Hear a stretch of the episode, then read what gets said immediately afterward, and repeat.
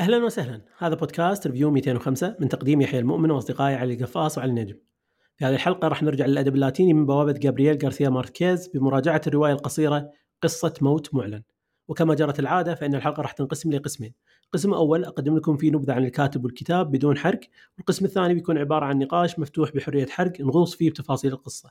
أتمنى تعجبكم الحلقة ولا تنسونا من ال like وال share وال subscribe في المنصات المختلفة، واذا كان عندكم أي تعليق أتمنى تشاركونا إياه، يلا فينا نبتدي الحلقة.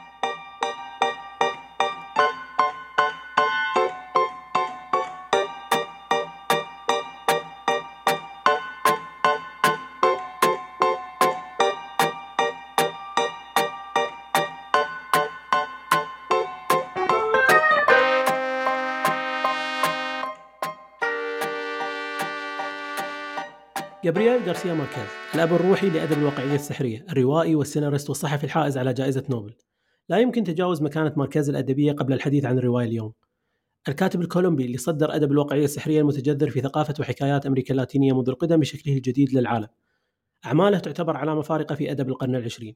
أهم هذه الأعمال طبعا مئة عام من العزلة الرواية اللي قد تكون أشهر رواية واقعية سحرية في العالم. وأعمال أخرى مثل الحب في زمن الكوليرا وخريف البطريارك والرواية القصيرة اللي بنناقشها اليوم قصة موت معلن. وعلى غير العادة قصة موت معلن تحتوي على قدر ضئيل من الواقعية السحرية لكن هذا لا يقلل من سحر قلم ماركيز. فالرواية تدور أحداثها حول قرية صغيرة في أمريكا الجنوبية مطلة على البحر الكاريبي. يبدأ أول سطر بالرواية بشكل صادم ومتطابق تماما مع عنوان العمل بإعلان الكاتب أنه يوم مقتل بطل القصة سانتياغو نصار. الرواية يتم سردها عن طريق الراوي المبهم صديق سانتياغو نصار 27 سنة بعد وقوع الحادثة.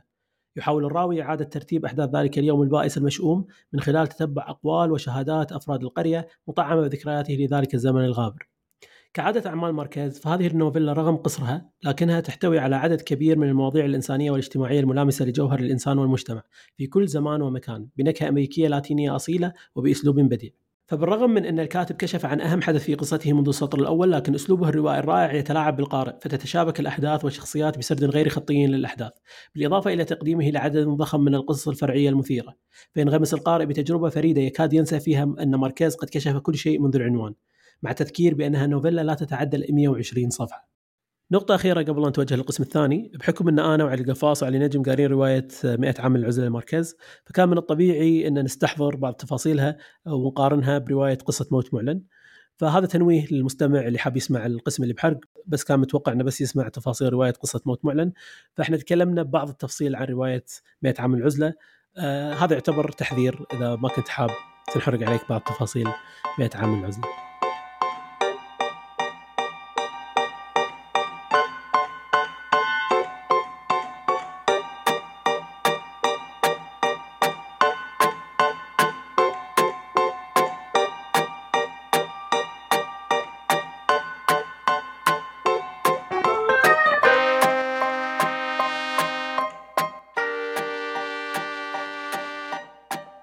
بنناقش رواية موت معلن. أه قبل لا ندش بنقاش تفاصيل الرواية كالعادة نبي تقييماتكم. بس قبل لا نعطي التقييمات أبي أعرف من كل واحد فيكم شنو معايير التقييم أصلا؟ عشان إذا في واحد من المستمعين قاعد يسمع وده يعرف هل يقرأ الرواية ولا لا يعرف شنو معايير كل واحد فينا. أنا ما سألتكم السؤال هذا قبل فترة لأن صدق ما كان عندي يعني معايير ماشي عليها وأحس إن هذا شيء غلط خصوصا إن بلشنا نقرأ كتب هنا يعني وايد. عندي يمكن معايير حق الأفلام بس الكتب ما كان عندي. أتوقع موضوعين مختلفين شوية. بس آه، بعد ما قرينا يعني كم كتاب حسيت إنه okay خل أحط لي معايير وأشوف أنا شلون قاعد أقيم الكتب صدق. فالمعايير وصلت فيها يمكن حق الكتب ال fiction أكثر. آه، لازم يكون يعني مثلا آه، هو تقييم خلينا نقول من خمس نجوم.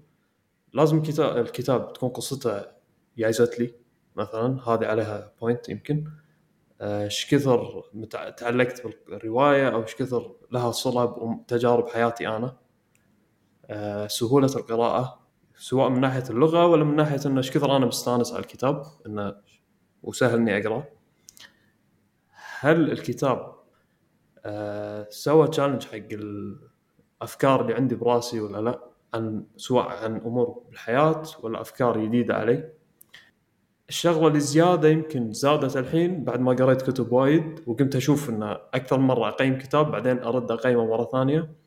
إن قاعد أشوف والله شلون الكتاب هذا يقارن بالنسبة لي بالكتب الثانية اللي أنا قريتها. فممكن كتب مثلا بحطهم خمسة انزلهم أربعة انه والله في هالكتب كانوا عاجبيني أكثر مثلا. عندي سؤال. الحين أنت تقول أنا أرد أقيم الكتب وأشوف ايها اللي عاجبني أكثر. هل ترد تقيمهم لأنك مثلا تستوعب إنه والله الكتاب عجبني أقل بس والله أنا حسيت إنه فنيا أفضل. هل هذا الشيء راح يخليك ترد تقيمه ولا لا؟ راح تقول شعورك نفسه تجاه الكتاب تغير. يعني مثلا خلينا نفترض آه، كتاب ماستر مارغريتا قريناه قبل فترة. تقريبا الكل كان مستاء من تجربته فيه بس كلنا عرفنا. قيمته الفنية يعني. فهل راح تقول والله okay أنا سولفت عن الكتاب ما حبيته وايد بس لاحظت ان قيمته الفنية عالية مثلا وفهمتها أكثر. هل راح يخليك ترد تقيمه أفضل ولا لا؟ بتقول انطباعي الشخصي أولى ويعتمد إذا انطباعك تحسن عليه يمكن ترد تقيمه أعلى ولا؟ يعني بس ودي أعرف إعادة التقييم على أي أساس. انطباع الشخصي دائما له شغل يعني. يعني مثلا مارجريتا أنا ترى أعطيته أربعة وما أتوقع إني قللت من تقييمه. يمكن نزلته. لثلاثه مو متأكد والله. بس لا يعني هي مو معتمدة وايد على هالشيء. الجانب خلينا نقول الانطباع الشخصي يعني دائما هو ال- الجايد مالي يعني الأساسي عرفت؟ فكم تقييمك حق كتاب آه، موت معلن؟ شوف كتاب موت معلن من الكتب. أنا ليش قلت لك آخر شغلة؟ انه قاعد أقيمه مقارنة بالكتب الثانية. كتاب موت معلن أول ما قريته آه، صراحة الكتاب وايد يازني أنا. أعطيته خمسة أول شيء. قلت هذا كتاب يعني المفروض أعطيه خمسة. بعدين جيت كان أشوف الكتب معطيهم خمسة كان يقول لا ما أقدر أحطه وياهم. فهو يعني شوية طقة تحت الخمسة أنا عندي شوية تحت ال- الكتاب سؤال, قبل سؤال قبل لا توجه حق قفاص مم. آه، هل أنت تقارن رواية موت معلن مع الروايات الثانية ولا تقارنها مع روايه يعني إحنا سولفنا انه في fiction وفي non. fiction. هذه رواية fiction بس هل تقارنها مع روايات ال fiction ولا في genre جديدة لأن أنا حسيت إنها ما أقدر أقارنها مثلا ب 100 Years of Solitude إذا بقيم لأن هذا fiction بس رواية وايد طويلة فحسيت ان لازم. أقارنها بالروايات القصيرة اللي هي من منطقه الغريب The Stranger أو إيه، روايات يعني من هالحجم فما أدري أنت قارنتها بهالروايات ولا قارنتها لأ بال- بالروايات بشكل عام. لا قارنتها أنا يعني head to head مع The Stranger صراحة لأن تقريبا نفس الكمية كرواية. صدق انه شوية طريقة سرد وهذا غير بس هي بالنهاية يعني رواية قصيرة خلينا نقول ف head to head مع The Stranger صراحة The Stranger فازت. حلو. القفص آه شنو معاييرك بتقييم الروايات؟ وكم تقييمك حق الكتاب؟ شوف هو مسألة إن تقيم كتاب أو تقيم أي شيء هي بالنهاية راجعة على ذوقك الشخصي وأنت شلون شفت شيء حتى لو أنت مثلا شفت 100 فيلم وتقدر تشوف انه يعني كمقارنة لأن إحنا شفنا أفلام أكثر مما قرينا كتب. يعني أكيد كل واحد فينا يمكن شايف فوق ال 150 فيلم. سهالة. فلما أشوف فيلم جديد أنا أقدر أشوف إن الفيلم مثلا والله كل الجوانب اللي تخليه فيلم قوي موجودة بس أنا ما عجبني. عادي يعني أنا مثلا Once Upon a Time in Hollywood كل أفلام كوينتن تارنتينو تعجبني. هالفيلم كان حيل بايخ بالنسبة لي. أصلا نمت بالسينما مرتين يمكن. دانكيرك كل أفلام نولن حلوين. هذا من اسوء الأفلام اللي دشيتها سينما. بس لو تقول حق واحد يعني يعني ناقد الأفلام إن هالأفلام ما عجبتني ما راح يعني يتقبل الجملة لأنه هو بالنسبة له هذه الأفلام كاملة. بس هو لما أنت تيجي تقيم شيء انت تقيمه على نفسك.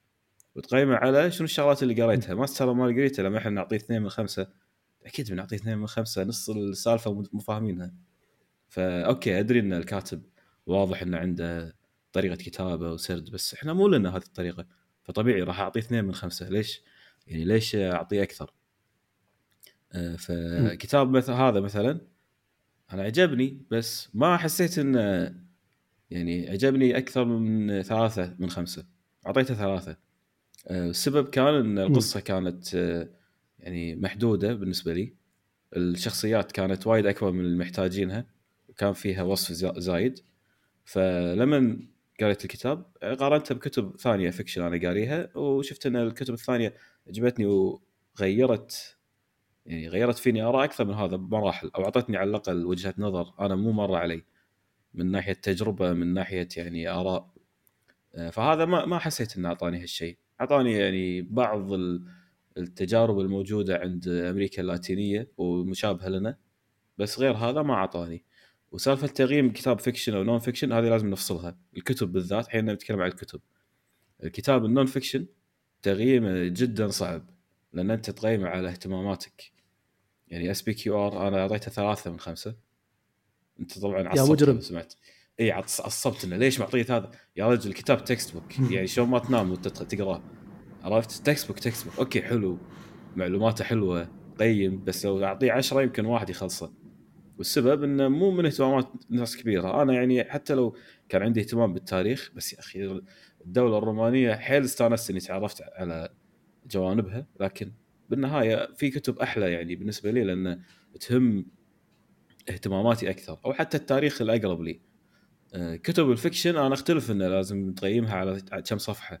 لا بالعكس يعني إذا الكاتب اختار إن القصة هذه تنكتب ب 100 صفحة أو 150 ما حد جابرك تكتبها 150 صفحة. بس أنت اخترت إن هذا العدد كافي على قصتك. يعني هل هو مثلا قالوا له عندك 150 صفحة بجريدة لازم تكتبهم؟ لا. صح كلامك بس بالمقابل ال format مختلف بمعنى إن أنا معاك انه كان عنده القدرة يكتبها بطريقة ثانية. بس ما تحس على سبيل المثال The Stranger الغريب و The Plague طاعون روايتين من نفس الكاتب. ما أقدر أقول إنه هو تعامل مع القضيتين بنفس الطريقة لأنه هو بنفسه قرر يكتب رواية قصيرة novella خلينا نقول The Stranger وكتب novel The Plague ف وطبعا يعني في في كتب أكبر اللي هي تكون 600 ألف صفحة تحسها ملحمة يعني. فأقصد إنه صعب أقارن ملحمة. نفس مثلا آه، الحرافيش مالت نجيب محفوظ مع رواية موت معلن بالنسبة لي أنا لأني أحس إنه فير أكثر آه، من العدالة أكثر إنك تقارن الرواية القصيرة مع قريناتها الروايات القصيرة لأن فيها نفس التشالنجز ما ما أدري إذا وين راح نوصل؟ وين راح نوصل؟ إحنا يعني أنا أنا أنا قصدي إنه لازم تحط خط على المقارنات وتقول يعني لما تقيم كتاب وتقارنه طبعا أنت لما تقيم شيء تقيمه آه، مقارنة بالشغلات الثانية اللي شفتها. مستحيل تقيم شيء بروحه يعني. لا أنت راح تقيمه بناء على أنت شنو قريت. يعني صح. من الامثله أنت شنو كان أحلى فيلم عندك يوم كان عمرك 12 لا أنت مو شايف أفلام. تقول لي والله صح. يمكن Ocean's 12 ولا شيء كذي. مو شايف أفلام أنت. لما شفت أفلام أقوى منه قلت لا Ocean's 12 حلو. بس أنا شفت أفلام وايد أقوى فطبيعي راح ينزل تقييمه. أنت كل ما تقرأ طبيعي إنك تشوف شغلات تعجبك أكثر لأن تعرف ذوقك. انت لازم تحط خط وتقول okay خلاص اللي بعد هالخط يتقارن مع اللي قبلها اللي ما يتقارن مع اللي قبل الخط. إذا بنقول انه 100 صفحة ما تتقارن مع 300 بعدين يقول okay كتاب historical ما يتقارن مع historical fiction ما يتقارن مع magic realism بعدين يقول والله magic realism بس يتقارن مع magic realism بعدين يقول لا fantasy مع fantasy ما راح تقيم شيء. أتفق بس أنا ابي أبي يكون informative التقييم أبي يكون يعطي معلومة عني. على سبيل المثال لما أنا معطي تقييم الكتاب هذا أربعة من من خمسة. بس الأربعة اللي معطيها حق موت معلن مو هي الأربعة اللي معطيها حق آه ما أذكر تقييماتي بس أعتقد يمكن ما أذكر تقييماتي بس أنا معطي أربعات حق كتب آه مو من نفس لما لما أعطيه الأربعة مو مقارنة بموت معلن. كم معطي مثلا آه 100 years معطيه خمسة صح؟ أنا معطيه ثلاثة. لا معطيه ثلاثة. معطيه إيه ثلاثة وكنت مفكر أعطيه أربعة. okay okay. أنا أدري إن إحنا مختلفين في تقييم موت أصلا هذا جزء من نقاش اليوم. راح يكون شلون أنا أقيم 100 عام من العزله مع موت معلن. بس على سبيل المثال أنا قاعد أقارن 100 عام من العزله مع روايات ثانية مثل Master Margarita آه مثل مال كتاب موراكامي Kafka on the Shore. بس اللي بقوله إنه في في مجموعة كتب لما أنا حطيت الثلاثة مالت 100 Years of Solitude أنا ما أقصد الثلاثة هذه بالمقارنة بالأربعة اللي معطيها. الأربعة هذه أقرب حق مقارنة ب The Stranger.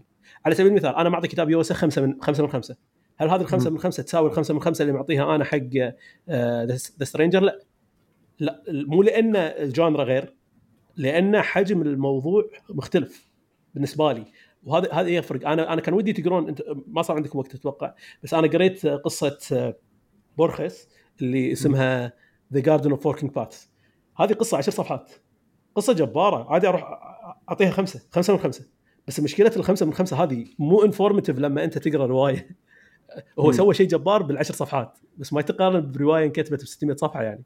فأحس إن شنو شنو شنو الفرق اللي يخلي الرواية ب 150 صفحة ما تقارن مع رواية ب 600 صفحة؟ أنت تقارن يعني لما تيجي تقارن مثلا هل تقارن mini series من أربع حلقات بفيلم؟ ولا شنو وين المعيار مالك بهالسالفة؟ لا ال mini-series خلينا نقول مسلسل مسلسل. حلو. ما يصير تقارنه بفيلم. نفس طريقة العرض هذا ميديا لا مو نفس طريقة العرض. أنا أقول لك ليش مو نفس طريقة العرض. لأن الفيلم لازم يختم القصة كاملة بساعتين وهو مجبر فيها. حلو؟ أنت مجبر كفيلم إنك تسوي يعني ساعتين ثلاث. أطول فيلم أعرفه سبع ساعات. هذا يعني فيلم واحد بس. اللي س... هو مال Satantango عنده فيلم سبع ساعات فقط وهذا الفيلم الوحيد. مم. فأغلب الأفلام تحت ثلاث ساعات بين ساعة ونص وساعة ثلاث ساعات. فهذا يسمونه فيلم. series لا أنت طريقة عرضك حق كل حلقة تختلف الرذ يعني في بداية حق الحلقة في climax بعدين ending بداية climax ending فلا هم مختلفين. أنا الحين الحين بعطي بعطي مثال مثال. أنت توك شايف The Offer okay؟ إي. هل تقارن The Offer ب Breaking Bad؟ Breaking Bad ملحمة. The Offer مسلسل. مو يعني Breaking Bad لما تقارن أنت Thrones، شوف- فاهم. إن ال genre غير. ماكو شغلتين ملحمة. يتقارنون بشكل مباشر. أنت يعني وين تبي تقارن مثلا؟ كتاب The Stranger بس أنا تقارنه بهذا يعني؟ ما في مقارنة. اي اقارن أق... أنا هني قاعد أقول لك. أنت كلامك صح إن في آه في جوانب ما تقدر تقارنها لو شنو لأن هذول قاعد يتكلمون عن موضوعين مختلفين. إحنا بننقل شعور آه لا معنى باتجاه ال... باتجاه المواضيع هذه. أنت مثل ما قلت التقييم ما له معنى ما له أي معنى. إذا أنت أنت بس شايف فيلم واحد وتقول هذا تقييمه 10 من 10 10 من 10 مقارنة بشنو؟ أنت قاعد تحاول تسوي ترتيب حق أفلامك أو ترتيب حق مسلسلاتك. حلو؟ الترتيب هذا أنا بالنسبة لي لازم يكون آه، يحاول يكون قدر الإمكان ينقل معلومة معينة. بس أنا أشوف إن ترتيب الأشياء بينها وبين بعض يكون وايد صعب لما يكون- في شيء intrinsic في شيء واضح مختلف بال medium نفسه بال- بالوسيط نفسه. تو كنت قلت المسلسل غير عن الفيلم أنا أشوف الفرق بين الرواية القصيرة مختلف عن الملحمة. يعني الحرافيش لما تقرأ العنوان شنو سموها سموها ملحمة الحرافيش ما سموها رواية الحرافيش. يعني هذا أقصد انه في تصنيف قصة قصيرة novella novel ملحمة.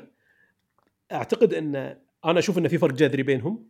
آه وكل واحدة ممكن تكون أفضل شيء بال- بال- بالسب جانرا هذه. بس أشوف إنه مو طبيعي بالنسبة لي لو أشوف تقييم شخص معطي خمسة من خمسة حق آه، آه، موت معلن ومعطي خمسة من خمسة حق 100 Year of Solitude أقول إي ترى هذه مقارنة بين الكتابين.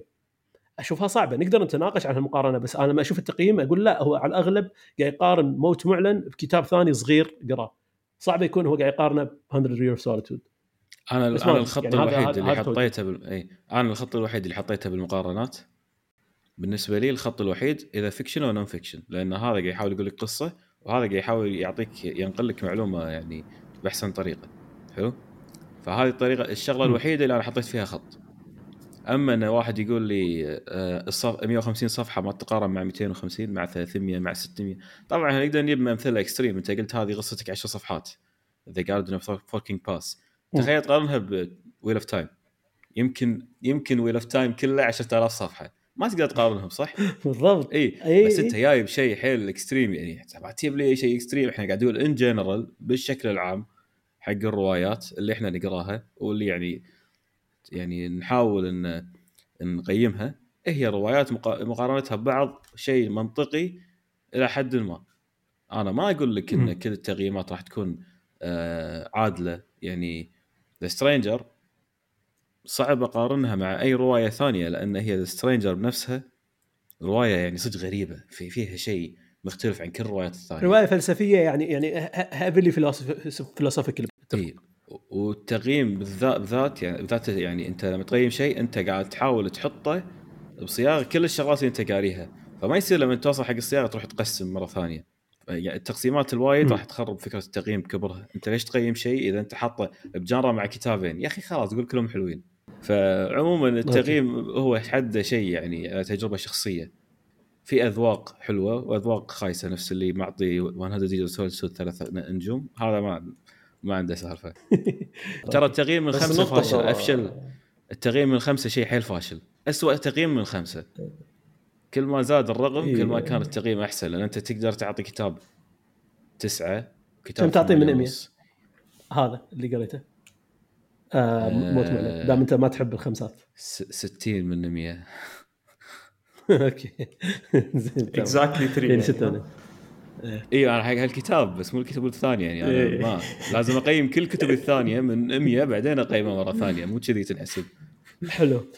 آه هذا بيأخذني حق النقطة الثانية بالنقاش اللي هو انطباعاتكم على الكتاب. آه خصوصا إن إحنا قارين حق مركز من قبل قارين 100 عام العزلة وخلاص يعني يبدو إن النقاش ما يمكن ينفصل عن رواية 100 عام العزلة بأي شكل من الأشكال لأن هذه تجربتنا مع ماركيز وإحنا قرينا الكتاب بناء على هالتجربة. طبعا آه خلينا نوضح أشياء. أنا مثلا شخصيا هذا الكتاب كان عبارة عن يا يكون ريدمشن أو يكون قصة آه، الرجوع حق ماركيز إنه راح أهتم اقرا باقي أعماله ولا راح تكون آه، ضربة ثانية حق ماركيز بالنسبة لي إنه أقول لا ماركيز مو كاتب حق آه، جيد بالنسبة لي لأني ما استمتعت أنا وايد عام العزلة. لأسباب راح أذكرها بال- بالنقاش. ف فاللي بقوله إنه أبي تقييمكم حق الكتاب من ناحية انطباعات إيش رأيكم بأسلوب الكتاب؟ اللي حبيتوه ما حبيتوه؟ وأبي يكون بإطار إن أنتم قارين حق ماركيز فشنو الأشياء السمات اللي شفتوها بأسلوب ماركيز مثلا موجودة؟ الأشياء اللي اختفت بهالرواية؟ وشلون حسيتوها بالمقارنة مع 100 عام العزلة؟ شوف في أمور يعني أول شيء يعني إحنا قرينا 100 عام العزلة. أمانة تجربتي الشخصية مع 100 عام العزلة يمكن مشابهة حقك كانت من البداية. 100 عام العزلة إحنا قريناها. أنا قريتها شخصيا physical copy متعود باغلب الكتب مثلا خصوصا بالبداية كنت أقرأها ب Kindle أو e-reader يعني وكان ترجمة المصطلحات اللي صعبة علي كانت وايد أبسط. 100 عام من العزلة أنا كنت كان فيها وايد مصطلحات جديدة علي بالإنجليزي احتجت أترجمها. فهذا الشيء كان يعني متعب بالقراءة. آه الكلام نفسه يعني أنا أعتقد إنه صدق يمكن كانت مشكلة ترجمه بحد ذاتها. آه هذا الكتاب مثلا قريته ترجمة عربية ترجمة صالح ألماني وايد حلوة. بالنسبة لي تجربتي معاها كانت وايد حلوة وايد أحسن من 100 عام من العزلة. انطباعي لا تغير عن آه، جابرييل ماركيز وودي أعطيه فرصة ثانية. ممكن بكتاب ثاني الامانه مو 100 عام من العزلة مرة ثانية لأنه طويل الكتاب وكان متعب أول مرة. ممكن آه، أعطيه فرصة مع آه، حب في زمن الكوليرا. ممكن أعطيه فرصة بعد ترجمة صالح علماني. بعدها أفكر أقرأ 100 عام من العزلة مرة ثانية. وجه المقارنة يمكن خلينا خلينا نقول يعني ال setting مال الرواية إنه مكان صغير بكولومبيا موطئ يعني مسقط رأسه خلينا نقول. الشخصيات تعدد الشخصيات هم موجود. ال- الأمانة هو ال genre اللي معروف فيه جابرييل ماركيز هو ال magic realism. بس جابرييل ماركيز حتى بروايته يمكن مئة عام العزلة ال magic realism تشوفه بشكل بسيط يمكن بالرواية. هالرواية أعتقد إحنا شفناها يمكن بس بالأحلام سالفة الأحلام والتنبؤات اللي قاعدة تصير. أصلا في وايد ناس تقول إنه ما في magical realism بهالرواية. تحديدا يعني إيه. فنسبيا. فإي إي ما لاحظت يعني كثر مثلا مئة عام العزلة لما حط لك magic realism حطه بشكل واضح شوية أكثر. مع إنه ما. كان وايد كبير جزء كبير من القصة بس حطه بشكل واضح نقول بس أنا أختلف معك بهالنقطة ترى. magic ماركيز 100 عام العزلة ترى في وايد مم. magical realism بس. هو يستخدم tone يستخدم لهجة أو أسلوب أو نبرة لما يتكلم عن ال magic realism إنه شيء عادي يعني هو تكلم عن ال delirium حالة ال... يعني تكلم عن حالة مرضية معروفة لكن حطها باطار مختلف تماما في الرواية وكأنه يتكلم عن عن مرض ثاني. فأقصد انه هو يستخدم ال magical realism بشكل مختلف عن اللي إحنا متوقعينه لأن إحنا قارين حق كافكا عفوا إحنا قارين حق موراكامي موراكامي يستخدم ال magic realism بشكل واضح يعني بس بس طريقة آه، ماركيز أصلا لما يحط ال magic realism يعني يضمنه بطريقه بالرواية كأنه أنت ما قاعد تحس إنه في magic realism عادي هالعالم طبيعي فإي أنت. تبي تقول أنت تبي آه. تقول إن ال magic realism مم. عند ماركيز طريقتها إن العالم اللي عايشين فيه في يعني magic realism بس ما يأثر على أحداث القصة بشكل مباشر نفس موراكامي يعني أغلب أحداث كتاب 100 عام من العزلة ما تأثر عليها ال magic realism كثر ما إن هي بس ضيفها كجمالية على القصة يعني مسألة الفراش صحيح. اللي مع ريميديوس the beauty انه كانت. وين ما تروح يلحقها فراش وعموما هذه ال- ال- النقاط البسيطة هو يحط magic realism بطريقة انه ما تخلي القصة تتجه بطريقة بس إن هي تعطي القصة بشكل عام نفس نطاق خيالي تخلي العالم فيه مميز. مو نفس موراكامي اللي كل شوي مغير لي القصة بال magic realism آه، مرة يطيح من السماء السماء سمك ومرة ما يعني يقلب الدنيا بسخاره لا هذا يعني كان كانت طريقته صح. انه العالم اللي عايشين فيه خيالي بس إنه ما راح يأثر على قصتنا وايد. وحتى موراكامي يعني بطريقته الشخصيات داخل الرواية قاعد تتعامل مع ال magic realism إنه شيء غريب أصلا عرفت؟ يعني مو نفس مم. آه، 100 Years of Solitude. أو الكتاب إذا كان فيه أصلا ماجيك رياليزم أنتم إيش رأيكم؟ شوف أنا بشارك انطباعي بهالموضوع. اولا الكتاب كان redemption مو طبيعي بالنسبة لي حق ماركيز. آه، أتفق مع نجم 100% الترجمة فرقت. ترجمه صالح علماني أفضل خيار سويته. ترجمته وايد آه، دقيقة لأن أنا أحس إني قريت يعني لما قريت حق صالح علماني كني قاعد أقرأ الكتاب باللغة الإنجليزية وهذا دليل إنه فعلا كذي ماركيز يتكلم. فما خسرت أي شيء من من نفس الأسلوب اللي كنت أشوفه بالإنجليزي بس الفرق ان ماركيز يستخدم كلمات خيالية وكلمات لها علاقة ببيئته وعنده وايد توصيف 100 عام العزلة وموت معلن فإن تسمع تقرأ بالعربي بالنسبة لي كان أفضل لأني كنت أترجم الكلمات وايد وكان يطلعني من جو الرواية. اثنين آه، في مشكلة أنا اكتشفتها متأخر إن رواية 100 عام العزلة مو من ال genres المفضلة حقي. أنا أول كان عبالي عندي مشكلة مع ماركيز طلعت عندي مشكلة مع آه، الروايات اللي هي هو في روايات لها علاقة بتوصيف تتابع الأجيال. نفس رواية الحرافيش حق نجيب وأنا لاحظت إنها أقل رواية أنا مقيمها حق نجيب. يمكن معطيها ثلاثة. مع ان أنا نجيب دائما أعطيه خمسة يعني وأنا مغمض. فاكتشفت إن بوابتي حق ماركيز ما كانت بوابة الروايات المفضلة بالنسبة لي. فمشكلة 100 عام العزلة اللي قفاز قاعد ينتقد أنت شلون أعطيته ثلاثة؟ أنا اكتشفت أنا حتى ترى رديت أعطيته أربعة لأني قدرت الكتابة فيه بعد فترة. بس بعدين لاحظت لا هي هي ثلاثة. هي ثلاثة مو لأنها الرواية ثلاثة. إن أنا الجانرا هذه أفضل شيء ممكن تسيب معي ثلاثة. أحس إنها تقضي وقت كبير من غير ما تطلع مشاعرك مع الشخصيات وكذا. بينما آه، موت معلن فيها كل الأشياء اللي أنا أحبها بالرواية. آه، بلش فيها كرواية thriller آه، أو رواية غموض وكذا. لكن بعدين لما شرح الأحداث القصة كانت شبيهة بالأشياء الحلوة ب 100 عام من العزله، يعني أحس إن رواية موت معلن اخذت كل ال components كل الأجزاء الحلوة ب 100 عام من العزله وحطتها بإطار أحب أفضله. إطار في في ضغط نفسي عليك وأنت تقرأ في غموض. والشغلة الثالثة والأهم إن أهم الشخصيات اللي كانت عاجبتني ب 100 عام العزلة آه سوت صار لها ظهور جديد حلو بموت معلن. على سبيل المثال علاقة أنجلا مع أمها آه اللي هي تشبه علاقة ميمي مع فرناندا. هذه جزء من قصة 100 عام العزلة كان حلو حيل بس يعني كان شيء جانبي لأن في 100 عام العزلة عبارة عن قصص مختلفة وكبيرة عن شخصيات وما في شخصية تركز معاها وتحبها. بس 100 عام بس موت معلن فيها ظهور أكثر فيها ارتفاع أكثر للحماس والشخصيات نفسها ترتبط فيها بشكل أكبر لأنه آه، مع أنه يقدم شخصيات وايد برواية 120 صفحة فيها 40 شخصية على الأقل آه، شوية أكثر بعد من 40 شخصية. فعدد الشخصيات ضخم لكن آه، كتبها بطريقة بالنسبة لي خلتني ارتبط بالشخصيات أتأثر فيها ودي أحداث معينة تطلع. بينما من عام العزلة ما كان عندي ما كنت أشجع أي شخصية ما كنت أدري شنو لازم أركز عليه. ف 100% هالرواية عندي أفضل من 100 عام العزلة. وأنا من الأشياء اللي حبيتها بماركيز يا أخي افتتاحياته جبارة. يعني آه، افتتاحيته موت معلن تشبه افتتاحيته ب 100 عام العزلة. آه، إن اثنيناتهم يبلش فيهم إن شخصية من الشخصيات تكون على مشارف الموت. يعني قصة موت معلن من أول line يقول لك في اليوم الذي كان سيقتلون فيه آه، سيقتلونه فيه استيقظ سانتياغو نصار في الساعة الخامسة والنصف اللي ينتظروا وصول موكب المطران بينما ب 100 عام العزلة بلش فيها بعد سنوات طويلة وأمام فصيلة الإعدام سيتذكر الكولونيل اوريليانو بوينديا ذاك المساء البعيد الذي أخذه فيه أبوه للتعرف على الجليد. آه، المقارنة هني انه بالروايتين بلشهم ب يعني setup درامي انه شخصية على مشارف الموت والحلو ب 100 عام العزلة على الأقل اللي سوت لي setup حلو حق موت المعلن ان 100 عام العزلة آه هذه البداية ما كانت هي نهاية القصة لأن عنده لأنه كان يوظف فيها الواقعيه السحرية. فقال لك إن هذا الحدث تقريبا كان الراوي قاعد يقدمه كجزء من الواقعيه السحرية وما حص... ما صار بالنهاية. فهذا اللي خلاني وأنا أقرأ قصة موت معلن مو متأكد 100% إنه بيموت سانتياغو نصار. اللي بقوله إن 100 عام من العزلة آه، من الكتب اللي آه، سواء مع إني I appreciate ما حبيته وايد لما قريته. حبيته أكثر لما انتهيت منه وأثر وايد على تجربتي بموت معلن وخلاني أحب أحبها بدرجات وايد أكبر صراحة. فهذا انطباعي عن آه، موت معلن.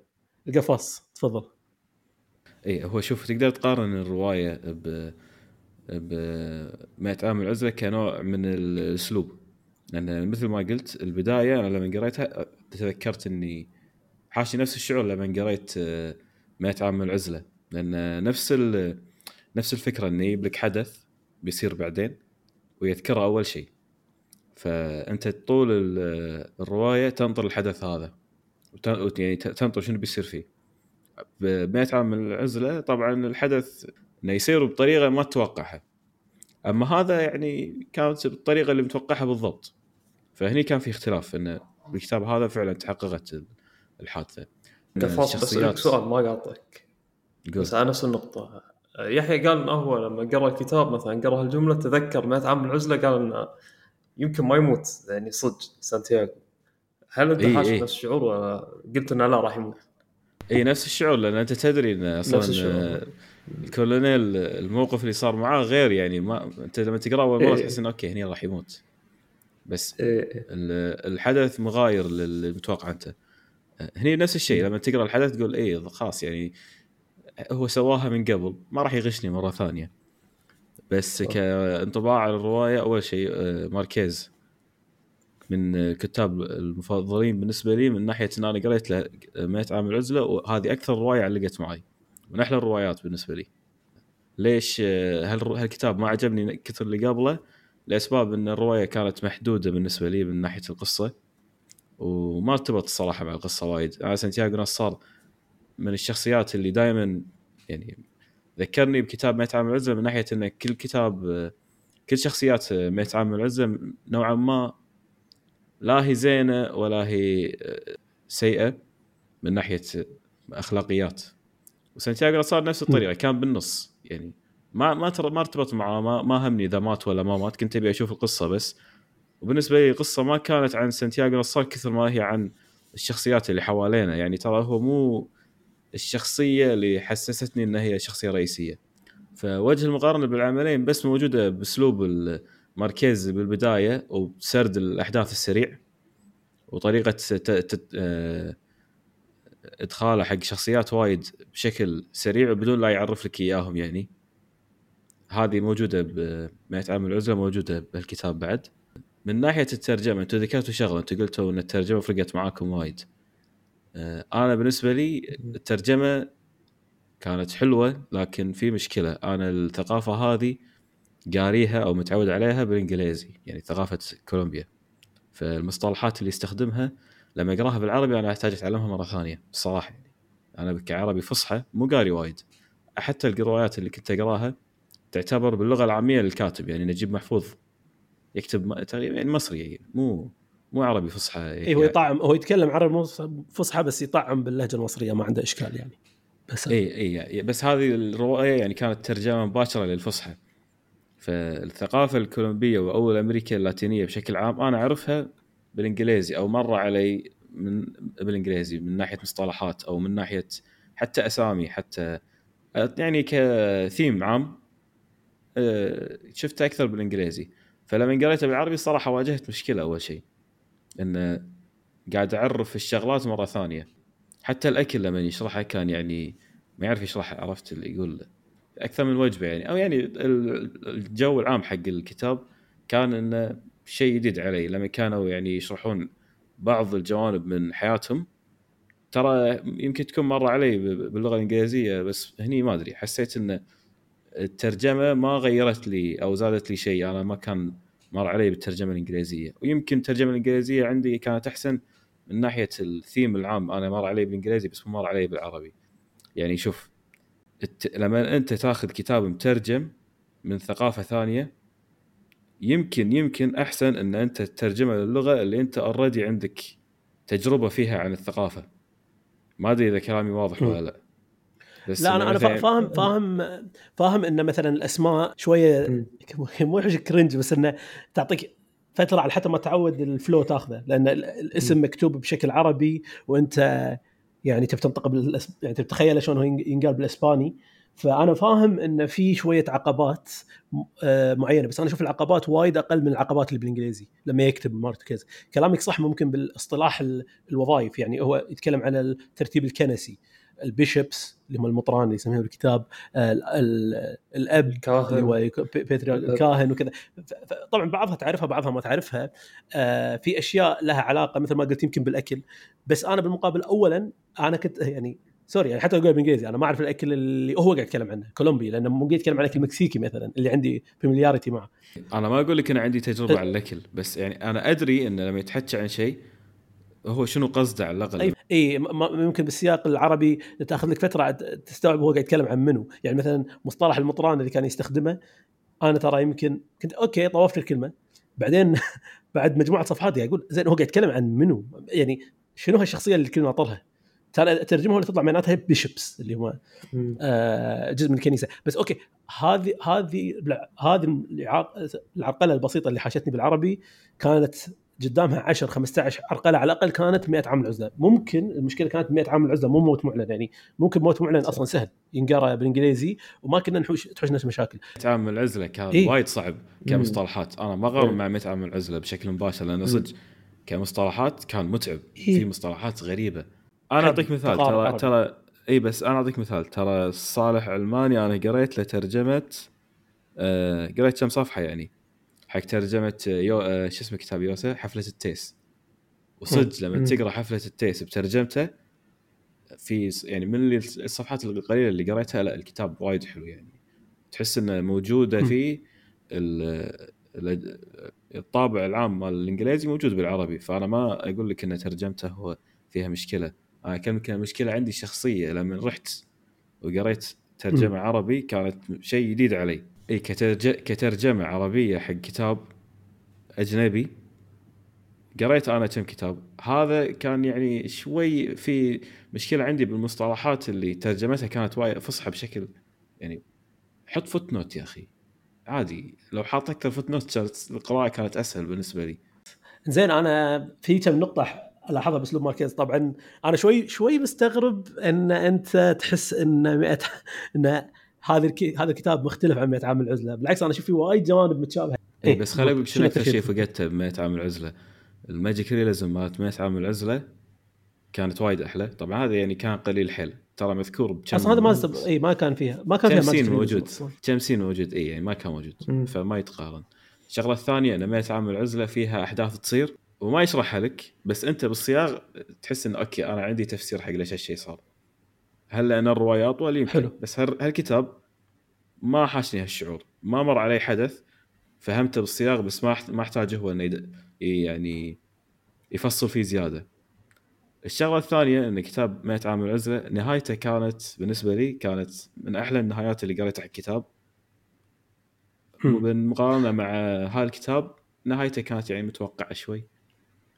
أو مو متوقعة خلينا نقول إن كانت يعني بالصياغة اللي انت تقدر تتوقعها. نهايته معلنة قصدي. إي يعني انت من أول شيء يقول لك بيذبحونه. بعدين يذبحونه وانت شنو إي المفروض؟ بس- شو يصير فيك يعني؟ okay. okay ما يذبحونه. عليه بس okay. هذه هني نرد حق نقطة إحنا سولفنا عنها يعني. بداية الموضوع انت قاعد تقرأ رواية نفس 100 عام آه، 100 عام العزلة انت عندك وايد investment بالرواية وايد- فلما تنتهي بشكل تقدر تقول أوه والله انتهت بشكل حلو عرفت تستانس ولا يحوشك شعور هذا يعني. بس لما تكون رواية صغيرة هذا الشعور ما راح يحوشك يا أخي. رواية 120 صفحة يعني شنو بيحوشك فيها؟ لا مو شرط؟ أنا أنا مثلا كتاب التحول مال كافكا أنتم قارينه Metamorphosis مم. صح؟ ما أدري إذا قارينه ولا لا. مم. الكتاب آه، وقرينا أنا كنت لا تقرون بس. ما قلت عادي. نصحت فيه كلش. ما okay شوف ما نصحت فيه. إذا أنا ما مدحته روح اقرا عادي. إي عادي. أنا أقول لك إذا أنا إذا أنا ما مدحته روح أقرأ. صراحة. لأن يعني بعد فترة مم. قلت okay الكتاب كان حلو أنا يمكن ظلمته بزيادة كنت متوقع شيء ثاني بس الكتاب حلو. أعطيه ثلاثة من خمسة. لا لا بس okay أنا أبي أبي أرجع أبي أرجع حق موت معلن. في في شيء مهم. كلامك صح نهايته مو climax يعني مو climactic هو أصلا حرق ال climax من أول صفحة. بس هذا هذا ال- السؤال الصحيح أتوقع بالكتاب أو السؤال اللي قاعد يطرحه مو قاعد يطرحه هذا الموضوع اللي قاعد يتكلم عنه ماركيز. ماركيز يحب يعلق على القرية على نفس ترى هو كتاب 100 عام من العزلة. موت معلن هو 100 عام من العزلة تم تضخيم الأحداث فيه وخلاك ترتبط مع الشخصيات بمعنى شنو؟ هو ترى مو تعليق على حالة الموت هو تعليق على الحالة حالة المجتمع. يعني قاعد يتكلم على أخلاقياتهم على حالة إن في ذكورية متجذرة حيل بهالمجتمع إن التقليد مأثر بشكل أساسي على حياة القرية. مشكلة عدم وجود مؤسسات انه والله صار عندهم جريمة إيش يسوون؟ لازم يبون قاضي من مدينة ثانية على ما يوصل يحتاج يومين. حالة إن الأمهات آه، ذكوريات بشكل خيالي. يعني. آه، الجيل الأول. بناتنا لازم طول حياتهم يظلون محبوسين لين إحنا نزوجهم وبس يقعدون يكنسون ويعيشون حياة من هالنوع. لكن ريايلنا يقعدون كلهم قاضين حياتهم مع عاهرات و brothels وحياة يعني ساقطة. فأقصد انه آه، هو قال جملة بأول الكتاب كانت مقابلة بين بين المت... بين الشخص اللي مسوي ال introduction مال الكتاب اللي مسوي المقدمة مال. الكتاب مع آه، ماركيز ماركيز قال جملة قال أنا حرقت القصة من البداية لأن أنا مو هذا الحدث اللي قاعد أركز عليه قال. أنا أبي أنا ما يلي ستريست ما بيجي لي ستريست أبي لي يقرأ الموضوع يعني أنا ما بيكون ما قريت. مهووس بفكرة السسبنس إي بس خليني أقول شغلة الحين خليني أقول لك شغلة. آه إذا هو كان كاتب الكتاب قصة موت معلن وما يبي يتكلم عن الموت أساسا هو الصراحة يعني ضبط الشيء لأن هذه مو التيك اواي مالت الكتاب التيك اواي مالت الكتاب هي انه أجزاء كبيرة من المجتمع كانت عايشة على تقاليد ما قاعد تخدم أحد. وكانوا ناطرين المطران يجي والمطران سحب عليهم يعني أصلا ما أعطاهم وي وهم كلهم كاشخين له. حلو؟ فهذا يعني لما تخاف تقول والله يعني طلع المجتمع الفاشل اللي عبالهم المطران يدري عنهم وهو ما يدري عنهم. نقل حالة نساء المجتمع بشكل مفصل لأن كل شخصية بنت كان يركز عليها وايد. اي هذه جابها صح. أنا ما أقول لك لا. أنا ما قال لك ما أقول لك ما جابها إيه. صح. بس overall القصة بالنسبة لي ما أعطتني يعني شعور 100 years of solitude لأنه 100 years of solitude كانت تركز على شغلات أكثر. يمكن يمكن بعدين في- اعلى بس هي كغ- كقصة أنا ما أقول لك إن هي مو حلوة. أنا بالعكس عجبتني. بس ما أقارنها ب years of solitude أشوفها بعيدة عنها. في شغلة في جملة يعني بالكتاب صراحة على موضوع إنه شلون قاعد يربون شلون النساء وضعهم بالمجتمع هذا. في جملة وايد يعني حسيت فيها وقتها. إنه لما يقول لك أعتقد أم الراوي كانت قاعد تتكلم اللي تقول لك ان بنات هالعائلة فيكاريو كانوا آه، مثاليات لأنهم مربينهم عشان يتألمون. عرفت؟ فهذه نظرة المجتمع حق المرأة يعني عندهم عرفت؟ إنها هي مثالية لأنها متربية عشان تتألم بس. إي بالضبط بالضبط. و- وسالفة إن القصة القصة فيها أنا يعني أنا وايد حبيت القصة لاسباب وايد. واحدة منها إن الكاتب تفنن تفنن بإنه يوريك فكرة الانحيازات طريقة سرد القصة. كان جبار أصلا. على حجم القصة الريال تلعب بالزمن ما تلعب فيه بمعنى إنه سوى زمان بس أقصد ان آه، الحدث نفسه كان يتحرك فيه بشكل حلو إنه مرة يروح لك بعده مرة يروح لك قبله مرة يروح لك آه، أثناء الحدث. قصدي هل هالحركة اللي كان يسويها كانت تشوش تصورك على الشخصيات؟ يعني أنت قلت شغلة قلت أنا سانتياغو نصار ما تعاطف معه واتفق وياك سانتياغو نصار أصلا أول صفحة بالكتاب يقول لك لا تتعاطف معه سانتياغو نصار قاعد يتحرش بواحده توها بالغة بنت الشغاله اللي عنده بالبيت زين فسانتياغو نصار مو إنسان زين بس الفكرة وين؟ أنت كل ما هو بالضبط هذه قوة الكتابة إنه هو أول شيء قال لك ترى سانتياغو نصار شخص مو زين بس كل ما تمر الأحداث تستوعب إن إيش كثر المجتمع ساقط إيش كثر المجتمع كان يدري إن هذا الشخص بيموت بس ما حد راضي يدش الموضوع ليش؟ لأن سبب القتل آه، يسمونه الدفاع عن الشرف يعني كانت لحظات بالكتاب اللي تقول شنو هالحالة العبثية بهالمجتمع فأنا أشوف إن طريقة السرد إن تلعب بالزمن وفي شغلة ثانية كان كانت حلوة إنه يوريك إن ترى كل اللي قاعد يسولفون ترى منحازين حتى الراوي نفسه لأن الراوي تكلم عن موضوع تحرش سانتياغو نصار بالخادمة عنده بالبيت كأنه موضوع عادي. وبعدين يقول مستحيل هو متحرش أو آآ آآ يعني أخذ شرف آه، آآ انجلا فيكاريو. زين بالعكس يعني أنا توقعي كان إن لما قريت الأحداث الرواية ترى وايد أحداث تبي فيها إشارات كذي بس الراوي لأنه صديق صديق سانتياغو نصار مو قادر يشوف كل الأدلة اللي موجودة بالقصة اللي تقول لا ترى في احتمال قوي وهو آه، فعلا سوى هالشيء مع إنه هو صح. مصر إنه لا ما سوى شيء بقصد إنه كان ال- الرواية كان فيها وايد توظيف قوي حق السرد صح كلامك. إنه الروايه بسيطة بس خلاك ترتبط بالشخصيات خلاك تتساءل شنو الحدث أصلا طول المدة خلاك فترات تقول ترى ممكن آخر شيء ما يذبحه لأن تعرف اللي okay خذ خذ منهم السكاكين الشخص ال- آه العمدة فتقول okay يمكن- يمكن ما راح اسمه. يذبحه يمكن راح يصير شيء. فأنت أقصد إن الكتاب على أنه 120 صفحة كان يتلاعب فيك يعني ويلعب بأعصابك وكان في هذا كأنه يقول ترى في حتمية بالنهاية راح أذبحه. وأنت تقول أوكي ما تقدر تعطيه مساحة إنه ما تذبحه. يعني الموضوع اللي بيذبحه عليه صراحة غبي واعتباطي لا في أدلة لا في شيء. أول شيء هذا يعني جانب وايد قوي بالرواية إن أنت تسمع عن نصار من طرف أو حدث ويقول أصلا كان قاعد يطق مطر. بعدين يجيك واحد يقول آه، أي مطر؟ كانت أيوة. الشمس طالعة. هذه شغلة صراحة أنا يمكن ألوم المترجم عليها. آه كلمة قصة ما أدري إذا شنو المصطلح العربي حق كلمة كرونيكل بس ما أتوقع هو قصة. آه كلمة كرونيكل لأن أنا صدق يعني بحثت شوية بالموضوع.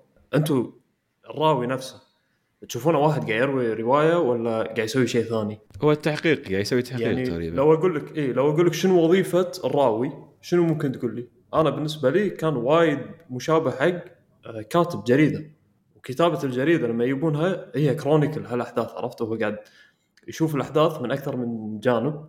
مو بجهه تحقيقية هو قاعد يسرد الحدث مو قاعد يحقق مو قاعد يطلع لك والله هذا بريء ولا ولا مو بريء عرفت؟ وهو ما سوى هالشيء هو سرد لك الأحداث فقط. كأنه واحد قاعد يكتب جريدة. هني دش النقطة اللي كنت بسولف عنها. جابرييل ماركيز كان يشتغل بجريدة. وهل هل القصة هذه مستوحاة من قصة صجية صارت بواحد هو يعرفه شخصيا يعني. كان ساكن وياه بالقرية وكانوا أصدقاء بفترة من الفترات. وبعد فترة هو يعني كان بمكان ثاني ما حضر الأحداث شخصيا بس سمع عنها. وبعد سنين كان وده يكتب الموضوع هذا. أمه ما كانت راضية. بعد سنين كتب الرواية هذه ورد شاف الاحداث عرفت؟ فلو تلاحظ الشابترات تقريبا قاعد تجيب لك كل شابتر وجهة نظر معينة وفي ناس يمكن وجهة النظر مالتهم صدق لأنه بعد 27 سنة فكل واحد يتذكر الاحداث غير. نفس ما قلت القفاز قلت واحد يقول لك مطر واحد يقول لك لا كان الجو حلو يومها واحد يقول لك كذا عرفت؟ بالضبط. في في هو, هو في في عامل في عامل الزمن اللي هو م. أصلا ذاكرة الإنسان already مو reliable بالحدث نفسه بعدها ب 10 أيام. فما بالك هو قاعد يحاول يأرخ حق الحدث أو يحاول يفهم إيش صار بعد 27 سنة. بعدين كل شخصية لها ذكرياتها وذكرياتها اللي تعدلت. يعني على سبيل المثال آه انجلا فيكاريو إنها آه كان هذا زوجها اللي هدها اللي هو بياردو زوج آه انجلا إنه يعني هي بنفسها مشاعرها عن عن اختلفت. يعني هي نفسها اللي قاعد تروي القصة الحين. هي شخصية كان عندها مشاعر تجاه زوجها الحين عندها مشاعر ثانية وهي نفس الشخصيه الحين قاعد تعطي انطباعها على شنو صار ذاك اليوم.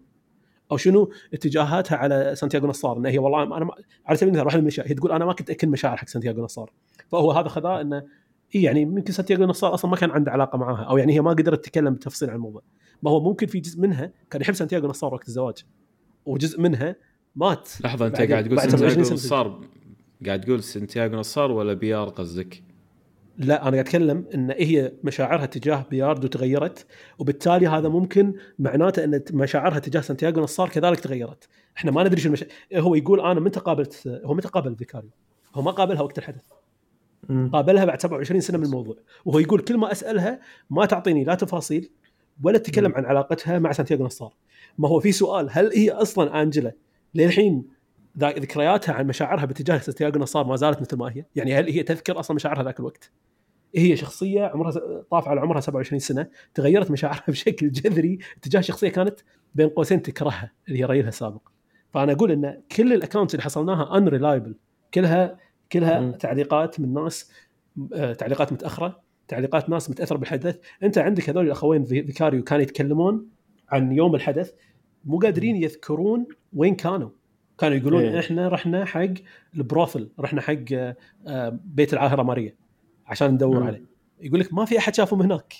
فأنت قاعد تتكلم عن أحداث unreliable فيها انحيازات كبيرة فالقصة كانت صح إنها بسيطة بس القصة كانت أقوى شيء فيها السرد. فكرة انه هو كان يتلاعب بإنه الحدث صار ما صار أنت لازم توصل للاستنتاجات مالتك. والراوي نفسه حده شخص مو ريلابل صديق صديق الشخصية هذه وقاعد يتعامل كأن الأحداث السيئة اللي كانت تصير بالقرية إنها شيء طبيعي. يعني أنت ما كنت تشوف أي سخط على أي شيء يقراه تقراه بالقصة. يعني هو كان يتحرش بالخادمة هو كان يتحرش بالخادمة. إنه هو واحد إنه هو كان موعد زوجته بالزواج وهو عمره 14 سنة وهي عمرها 9 سنين. في تعامل بسيط مع الموضوع وبعدين يقول لك أنا بنفس الليلة رحت عند بروثل. عمره 14 سنة الولد رايح عند عاهرة. وهذا شيء عادي بالمدينة وهو ما يحس إنه في شيء غلط. فاللي بقول إنه هذا كان أقوى شيء بالقصة إن الراوي كان آه، منغمس ومنحاز حق الأحداث اللي في القرية. فأنت قاعد طالع تقول أوكي أنا إيش أصدق بالقصة؟ إيش ما أصدق؟ فبالعكس السرد كان عجيب. بس أنا الحين باخذ باخذكم لنقطة ثانية بأسلوب ماركيز. ماركيز أنا بنهايه عام العزلة وموت معلن لاحظت إني ما أبكي أو ما أتأثر أثر اللي أحس إني في شخصية أرتبط فيها للحد إني أوه بيموت عرفت؟ بس لاحظت شيء بماركيز ما أدري توافقون الرأي خصوصا إن كلكم هنا يطالعون One Piece هل ماركيز أسلوبه لما يتكلم عن القضايا الكبيرة يتكلم عنها يسوي لها عنده شيء غريب احسه يشبه أودا؟ إنه كأن شخصياته تضحك وشخصياته عبيطة ف في قضايا كبيرة قاعد تصير وقضايا كارثية مثل مثلا One Piece يتكلم عن عن العبودية يتكلم عن يتكلم عن وايد مشاكل اجتماعية. لكن لأن الرسم أهبل أنت ما تحس بالضغط النفسي اللي عليه بس لما تفكر بالقصة تقول أوكي ترى القصة فيها وايد أشياء عميقة قاعد تعلق على أشياء كبرى بالعالم أحس آه، ماركيز يسوي نفس الشيء 100 عام العزلة وموت معلن عنده تون أو طريقة بالتعليق على شخصياته تقول يا عادي حياتهم طبيعية وهم كلها ضحك فلما تصير حدث كبير ما تحس إنه كبير بس بعدين تفكر فيه تقول أنتم مستوعبين إيش قاعد يصير بالشخصيات؟ ما أدري أنتم عندكم هالانطباع أنا حسيت إن ماركيز هو أودا الرواية أو أودا هو ماركيز ال ال الأنمي. أنا أختلف ولا ولا بس هذا انطباع غريب. أول شيء؟ أودا يأثر فيني أنا. يعني في في ارتباط مشاعر مع بعض الشخصيات بال بالأنمي. جابرييل ماركيز ممكن مو سالفة إن أنت ما ترتبط بس يمكن الشخصيات ما مو جذابة إن الواحد يرتبط لها. يعني إحنا سولفنا إن أخلاق الشخصيات يعني بأغلب الأحيان برواية ماركيز ما تكون يعني وايد زينة اللي تخلي الواحد يرتبط فيها عرفت؟ يعني الشخص حتى لو يكون مثلا مظلوم ولا شيء ولا نفس مثلا سانتياغو سانتياغو يمكن ما تموت بسبب مو حلو ما له داعي يعني كان يموت عليه بس ما تعاطف وياه يعني لهالدرجة عرفت؟ لأنه هو شخص مو زين أصلا زين بس بس أنا أنا أبي أخليك تعلق بس أبي أبي أقارنها برواية ثانية من الأدب اللاتيني إحنا قرينا آه قرينا حق يوسا okay أنا فاهم إن هذا يعني شيء تاريخي شوي يعني قصته كانت inspired by تاريخ. بس أقصد شخصيات ناس أورانيا شخصيات اللي يكتب عنها تحس مم. لها لها هيبة ووزن. شخصيات ماركيز حتى حتى روايه متعامل يعني شنو شخصيه يطلع لها ذيل؟ يا يا ناس. الطريقة اللي يتكلم فيها عن شخصياته comical شوي. يعني لما لما يا شون بياردو يا أكو شخصية كذي سحرية غريبة أطوار هذا. بس ترى هو قاعد يسوي شيء حيل حيل سيء. يعني قاعد يستغل فلوسه عشان ياخذ بيت شخص فقير. بعدين يروح يتزوج. واحدة ما تحبه ولا شيء بس يروح ياخذها من أهلها لأنه هو شخص غني. فأقصد تصرفاته وايد قبيحة. بس هو يسردها بطريقة بتون أنت تحس إنه شخصية كرتونية. ما أدري يعني عندي هالشعور أنا مع ماركيز. هو يبالغ ببعض الصفات. يعني هو مثلا يتكلم عن بيار حطه مبالغة بلبسه بطريقته بأنه يعرف يسوي كل. شيء بالسباحة الأول بالرماية الأول ركوب المايشن الأول. فهو صح هو ساعات يحط شخصية ويبالغ فيها. يعني شوف okay. الرسوم شوف الرسومات شوف الرسومات الكاريكاتير اللي تصير على آه 100 عام العزلة. الشخصيات يعني شكلها طالع من من من باباي مو طالعه من من رواية عليها وزن عالي. شوف أنا بالنسبة لي يعني ما نقدر إحنا إحنا مو قاعدين عشان نحل 100 عام العزلة بس يعني لازم نقارن فيها. بس أنا بالنسبة لي من كل الكتب اللي قريتها أكثر شخصية ضاق خلقي عليها ميمي اللي ب 100 عام العزله هذه اللي يعني الشخصية الوحيدة اللي اللي كنت ما بيصير فيها شيء ولما صار فيها شيء سكرت الكتاب قلت ليش يعني هي شخصية واحدة بس؟ هذه خل تطلع منها خل تطلع منها عائلة اللي كل شيء فيها غلط. وما وما طلعت يعني. بس هذه هذه كانت بيت عام العزلة. بس بهالرواية يعني الشخصيات صدق يعني ما يمديك تتعاطف معها الصراحه البيس مال الكتاب سريع وما في تركيز على شخصية واحدة في وايد شخصيات. واساسا الشخصيات يعني مثل مكا... مثل ما أنت قلت يعني شوي مو واضحة. يعني أخلاقياتها مو واضحة. ما ما حاشني أي تعاطف مع شخصيات الكتاب بس 100 عام عزلة لا. انجلا كبير فيكاريو ما. حاشك تعاطف معاها؟ انجلا فيكاريو. بلا لا صح بلا مثلا. مقطع إنه لما يردها بيتهم أنت أكيد راح تتعاطف معاها يعني. بس يعني ما- أم نصار مثلا أم سانتياغو تعاطفت معاها لأن قاعد تسمع صوت. ولدها عبالها هي داخل البيت بس هو برا. واساسا هي اللي- أنا ترى هذه لقطة حلوة ترى. هي اللي سكرت عليه الباب صح؟ هي قفلت الباب قبل لا يدش. إيه. هي يعني كفرت إيه. الباب لأن ال- ال- الخادمة اللي كان متحرش فيها قالت لها إنه هو فوق سكري الباب بالضبط والمشكلة الخادمة إيه. في في لحظة هي على طاري يصير الخادمة تقول بالرواية تقول حق الراوي إني أنا شفت سانتياغو يدخل شفت شبح سانتياغو يدخل فهني أنت ما تدري. هي قاعد تكذب لأنه متحرش فيها ولا. هي فعلا في في هذا جانب الواقعيه السحريه اللي يسوي ماركيز إنه اي لا هي صدق شايفة شبح شافته يدخل. وقفلوه في مقطع أنا ما فهمته إيه طبعاً. كلش هو كان في يعني في مقطع يطير فوق بيت آه، بيار يطير فوق طير ز- لونه زئبقي ما شنو قال؟ لون ذهبي أو شيء.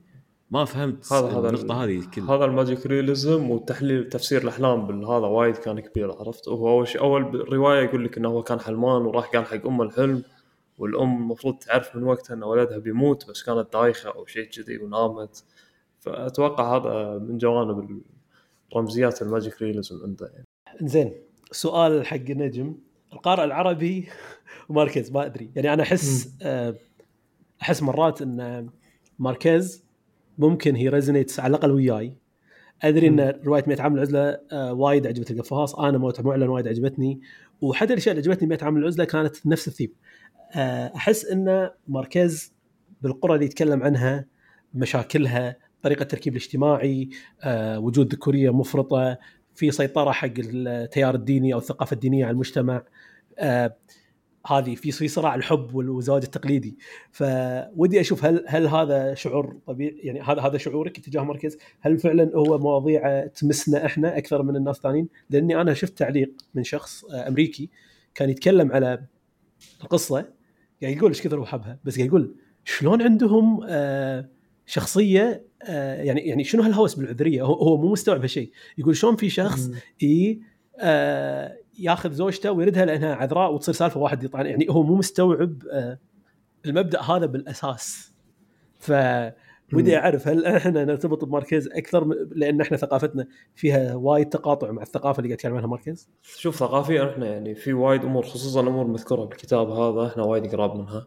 منها سالفة الشرف، سالفة التركيب الاجتماعي، تركيب الأسرة بشكل عام شلون ماشي، شلون دور الأسرة بالزواج، الزواج التقليدي، لأن زواجهم تقريبا نفس وايد من الجوانب اللي فيه نفس الزواجات عندنا ممكن يعني. دور الأم تقول يعني الأم لما قالت حق بنتها إن الحب هذا عادي تتعلمينه بعدين يعني. هذا بالضبط نفسه. بالضبط. هذه لحظة هذه لحظة تقول هذه الجملة اللي إحنا نسمعها من إحنا يهال الحب يجي بعد إيه؟ الزواج. ما في شيء اسمه حب قبل إيه. الزواج. أيوه. حتى الموضوع إن المرجله خلينا نقول ما أدري هم يسمونها ماتشيزم أتوقع عندهم اللاتينيين أو شيء. بس هذا وايد جانب موجود عرفت؟ بال بالكتاب وهم موجود عندنا بمجتمعاتنا يعني. صار شيء حتمي على التوأم إنه لازم يذبحون الشخص هذا.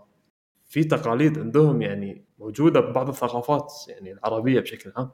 سالفة إن الشرشف وغيره يعني من الأمور. لازم تثبت شرفها بالليلة الأولى وكذا. اي صح.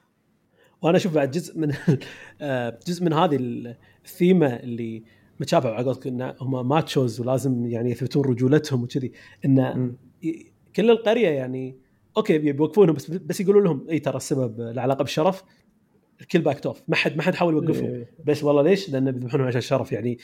حتى بايعة الدكان يعني ما حق يعني لما سولفت قالت أنا كانوا كاسرين خاطري انهم لازم يسوون هالشيء. إي هو يعني ما أدري شنو اللي يربط الثقافة اللاتينية بثقافتنا. شيء غريب بالنسبة لي إنه شلون في ثقافة بنص الكرة الأرضية الثاني حيل قريبة من ثقافتنا يعني بشكل كبير حتى بالعادات والتقاليد. لما تقرأ عندهم رواية ترتبط مع وايد أجزاء منها. سواء كان لأن عندك يعني شفت أو سمعت تجارب أو عندك قصص من ثقافتك مشابهة لها. يعني خاصة الثقافة اللاتينية تقدر ترتبط معها 20 مرة أكثر من الثقافات الآسيوية مثلا اليابانية الصينية الأجزاء هذه. ما عندنا ارتباط معهم ترى كبير كلش. حتى الأوروبية ترى يعني يمكن أبعد شيء عنا الأوروبية.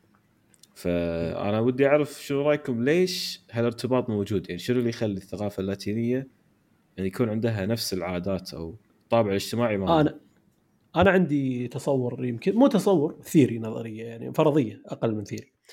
فرضيتي إن آه، هي مو الثقافة اللاتينية تحديدا هي ثقافه الثقافه اللي علق عليها مركز أكثر اللي هي ثقافة القرى اللاتينية. آه، وهذه ثقافة القرى تشوفها منتشرة بكل بكل الأماكن يعني حتى بأمريكا مع انها أقل لكن الثقافه القروية أو ثقافة ثقافة المزارعين آه، متشابهة أتوقع من هالزاويه انه بين قوسين تكاتف اجتماعي التكاتف الاجتماعي بأن يدشون بأخلاقك ويحددون شنو تلبس وشنو تتزوج وشنو دور الرجال والنساء فيه. فأعتقد إن هذا جزء كبير إن ماركيز بكتاباته ما قاعد يعلق على العاصمة. عاصمة كولومبيا. يتكلم أكثر على القرى القرية أظن اللي طلع منها أو شيء كذي. فالقرى اللي هو يستخدمها هذا الثيم أعتقد اللي يسوي تقاطع كبير مع الثقافة العربية. إحنا مشكلتنا حتى بالوطن العربي الحاله في حالة غريبة عندنا اللي هو قاعد قاعد ننتقل من الحالة القروية الحالة اللي هي أقل مدنية للحالة المدنية آه، بناء على البنايات المؤسسات وكذا. اللي هو الأشياء اللي على الأقل مو موجودة في القصة. فهذا شيء هذا شيء أنت تقول أنت إحنا شنو علاقتنا فيهم أصلا؟ يعني إحنا عندنا مؤسسات، عندنا شرطة، عندنا آه آه عندنا قضاء عندنا كل الأشياء اللي مو موجودة بال- بال- بالمدن اللي يتكلم عنها. مونوك ماكوندو ولا القرية اللي يتكلم عنها في القصة فأنت تقدر تقول إيه، إحنا ما نتشابه معاهم. شلون صار في cross section بس أعتقد الحقيقة إن إحنا كبناء وكمعمار وكمؤسسات قعدنا قاعد نتوجه لحالة مدنية بس الناس للحين بحالة انتقال فكري. يعني ثقافيا ما طلعنا من الحالة الغير مدنية اللي هو المجتمع مسيطر عليك والمجتمع يحدد خياراتك ويحدد دور المرأة في في هذا المجتمع. فأنا أتوقع أن أكثر جاي من هالاتجاه مع الوضع بعين الاعتبار اللي أتفق وياك فيه اللي بس هم مع هذا كله إحنا العرب أقرب حق اللاتينيين. يعني تشوف إن المهاجرين العرب يعني حتى القصة القصة عن سانتياغو نصار اللي هو مهاجر عربي هي فت ان هو وابوه فت ان بيرفكتلي بالثقافة اللاتينية. ففي زاوية ثانية أنا ما عندي نظرية عليها بس بالمجمل أنا أتوقع هذا ال... هذا ليش إحنا عندنا ارتباط معهم لأن إحنا صح وصلنا للمدنيه من ناحية المؤسسات وكذا بس ما أتوقع ثقافيا وصلنا لحاله مدنية تخلينا ننفك عن الثقافة. بس يعني ال ال أعتقد ال- الثقافة الهندية ما ما يعني فيها أكثر تركيز على الاجتماع المجتمع من أي ثقافة ثانية عدل بس هل نقدر نرتبط فيها كثر؟ ما أتوقع. يعني الثقافة الهندية مجتمع يحدد فيها كل شيء حتى وظيفة الشخص. حلو بس أنا أقول لك يمكن. وين الاختلاف هنا آه الاختلاف آه بطبيعة الدين اللي مسيطر على الثقافة. بالنهاية الثقافة اللي مسيطر الدين الإسلامي وايد قريب من الدين المسيحي. بتعاليمه بأسلوبه. آه وأتكلم عن المسيحية المتشددة اللي موجودة في أمريكا الجنوبية مو المسيحية بشكلها الحديث. فأتوقع أن آه، مو بس الثقافة ال- ال- القروية قاعد تأثر ال- الدين المسيطر اللي هو يتبادل يعني في تبادل بين الثقافة والدين بحياة الإنسان يخلينا أقرب حقهم. هم في ممارسات مختلفة عندهم. يعني تقدر تقول الجانب الوحيد اللي ما تقدر ترتبط فيه علاقتهم بالكنيسة. يعني علاقتهم بالكنيسة شوي مختلفة عن علاقة ال- الإنسان المسلم بال- بالمسجد أو هذا. طبعا في في أوجه تشابه بس أقصد إن الإسلام والمسيحية يلعبون نفس الدور الاجتماعي مقارنة بالدين المنتشر مثلا بالهند اللي هو الهندوسية أعتقد. أنا عندي سؤال بخصوص الرواية بشكل سؤال. عام يعني مم. شنو كانت إضافة إن المطران راح يجي بهاليوم وإحنا لازم كلنا ناطرين المطران يوصل عرفت؟ معاهم ناطر. يلا متى هذا. فشنو كانت نعم. الإضافة إن المطران يوصل؟ وبس شخصية واحدة اللي يا- يعني قالت والله أنتم شعب ما راح يوقف لكم هذا أصلا. وما بدل ما بدلت ولا شيء. الكل كشخ الكل تجهز. جابوا له ديچ ما ما إيش سالفته مع الدي- الدياچة هو بعدين سحب عليهم وكمل حتى ما نزل من السفينة. فشنو كانت الإضافة؟ أنا حسيتها تعطي انطباع على المكان نفسه. يمكن موضوع آه، الحدث لما صار إن الكل متيمم عشان يشوفه. وبنفس الوقت يمكن هذا انشغال حق المجتمع نفسه إنه والله مشغولين إن هذا بي فقالوا يمكن هذا أيوه ما راح يموت خلاص. الكل يدري وأكيد هو درى وصل له خبر والناس مشغولة مع هذا اللي بيه أنا أتوقع تماما اللي قلته نجم توظيف المطران كان توظيف العلاقة بالسرد مو له علاقه يعني طبعا العلاقة لا رمزية دينيه اللي هو يبين لك إن الناس يعني هو هو يحب يعلق لها شيء انه إيش كثر هم عندهم ارتباط بالدين. وعلى طاري ماركيز انه أنت طارية ترى أم ماركيز علاقتها مو وايد زينة مع ماركيز وهو مو شايفها لسنوات وبعدين لما شافها وتخيل فازت جائزة نوبل كانت تقول أنا فخورة إن بنتي يعني انت الحين تعتقد إنها بتمدح ولدها قالت أنا فخورة إن بنتي راهبة. فأعتقد هو شوية شوية عنده مشاكل مع الخط الديني فيحب يعلق عليه برواياته. بس أتوقع الفائده السردية الأهم الاداه الأهم اللي كان يبي يوظفها هو من حضور المطران. إنه بيقول لك حبيبي الموت كان معلن وكان فاضح وكان الوضعية إن كل الناس بالشوارع والكل شايفهم ماشيين بسكاكين وكان في مئات الأسباب أو عش- عشرات لمئات الأسباب إن تو- توصل المعلومة لسانتياغو نصار آه ويقدرون يوصلون لها بشكل واضح. لكن مات.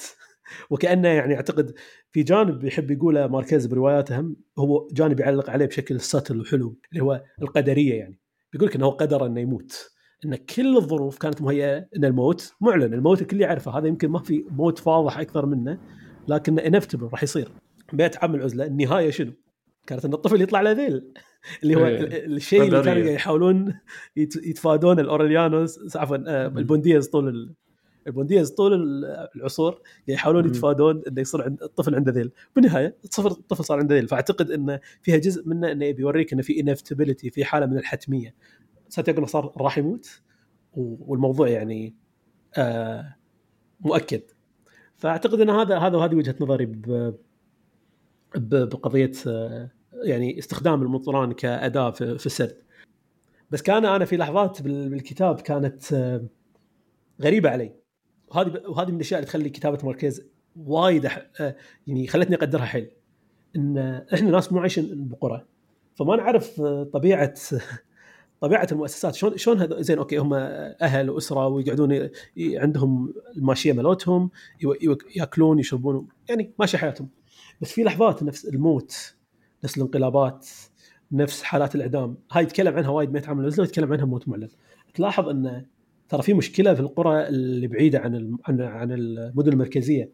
انه ترى ما عندهم أطباء فمثلا لما يصير حادثه أن واحد يموت ينقتل وتحتاج تحتاج أدلة جنائية تي check راح تعاني مشكلة التشريح. يعني خذوا آه انه بين لك إيش كثر صعب انه تحتفظ بجثة بقرية.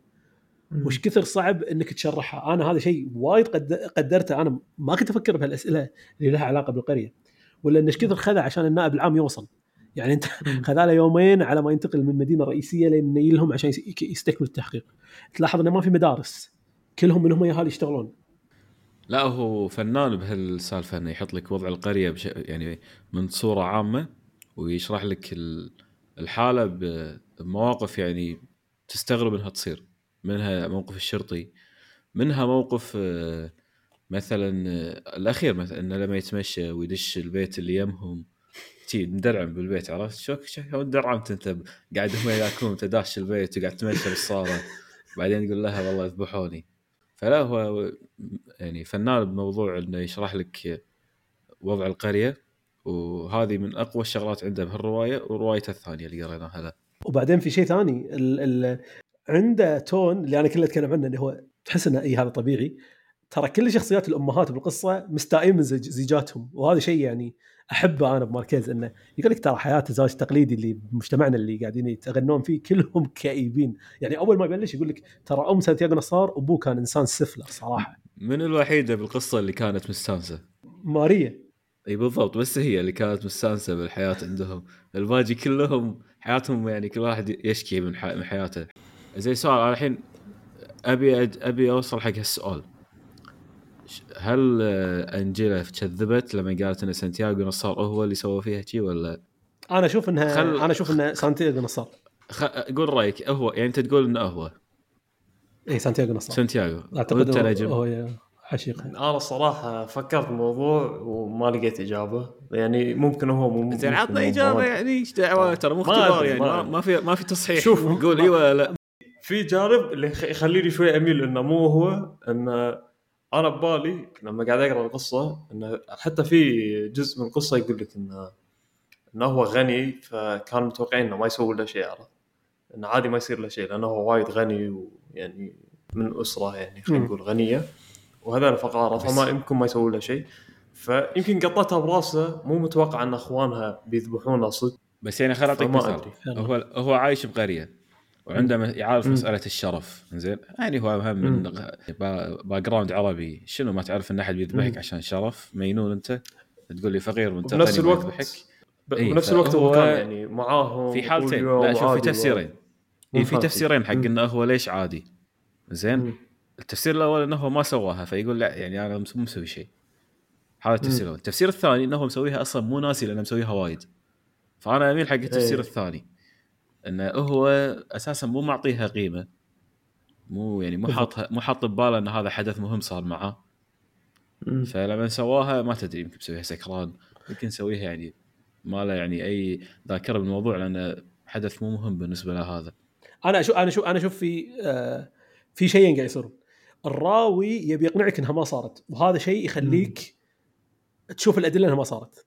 بس أنا أشوف. انه overall الأدلة إنها صارت. واحد هو عنده تاريخ بالتحرش وهو بنفسه يقول هو يحب النساء العذراوات يعني تخصصه زين يعني هذا آه. وبعدين إحنا شفناه يتحرش بالقصة من أول صفحه هو يتحرش من. اي واحدة توها بالغة قال لك قفاصه هي فقيرة ف وليش بيهتم إنه يتحرش فيها يعني مم. أربعة هي نفسها أنجلا كانت آه تتكلم عن الحب مم. يعني أنجلا فيها جوانب شخصيتها يذكرني بميمي عرفت اللي هي فيها فيها تمرد يعني ف طريقتها بإنها تتكلم عن الموضوع يعني اللي بقوله إن هي بعدين حتى لما تتكلم عن القصص هي عندها جرأة بإنها تتكلم عن حياتها.